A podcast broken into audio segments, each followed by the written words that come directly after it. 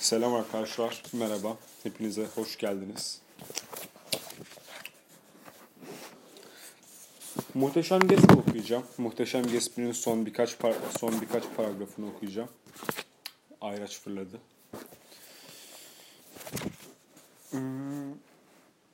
Geçen gün bitirdim, filmini de izledim. Gayet zevkli ve büyüleyiciydi. Tavsiye ederim bir bakın.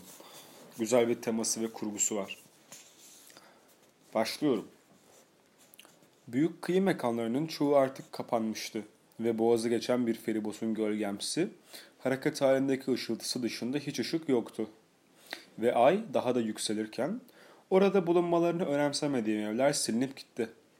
Ve bir zamanlar Hollandalı denizcilerin gözleri önünde, yeni dünyanın taze, yeşil bari gibi tomurcuklanmış eski adının farkına varmaya başladım yavaş yavaş.''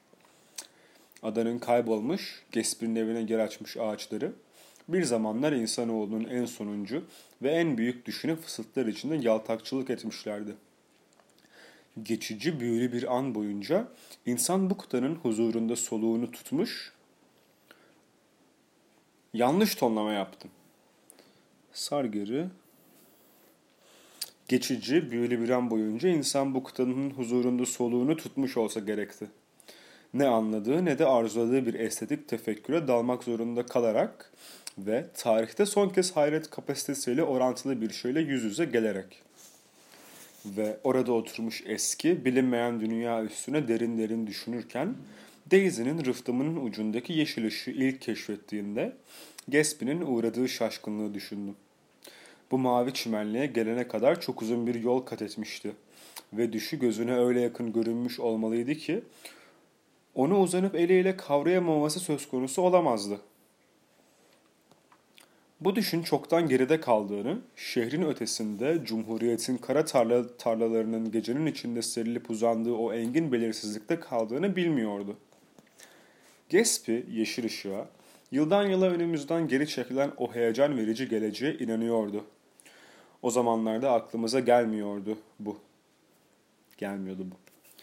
Ama fark etmez. Yarın daha hızlı koşacak, kollarımızı daha da ötelere uzatacağız. Ve derken güzel bir günün sabahında. Böylece akıntıya karşı kürek çekerek durmaksızın geçmişe doğru sürükleniyoruz. Evet, Muhteşem Gatsby kitabının son paragrafları bu şekildeydi.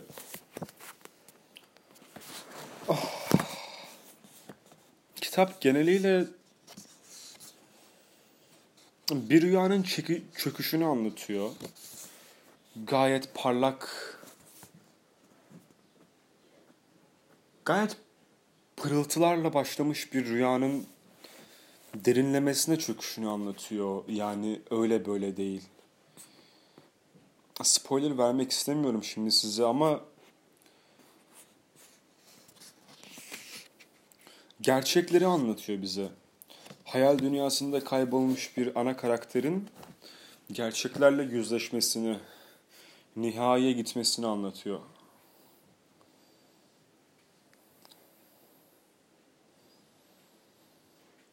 Kesinlikle bir bakmalısınız. Yani okumak istediğim bir kitaptı zaten. Çünkü konusundan kaynaklı yarattığı ortam verdiği derslerden dolayı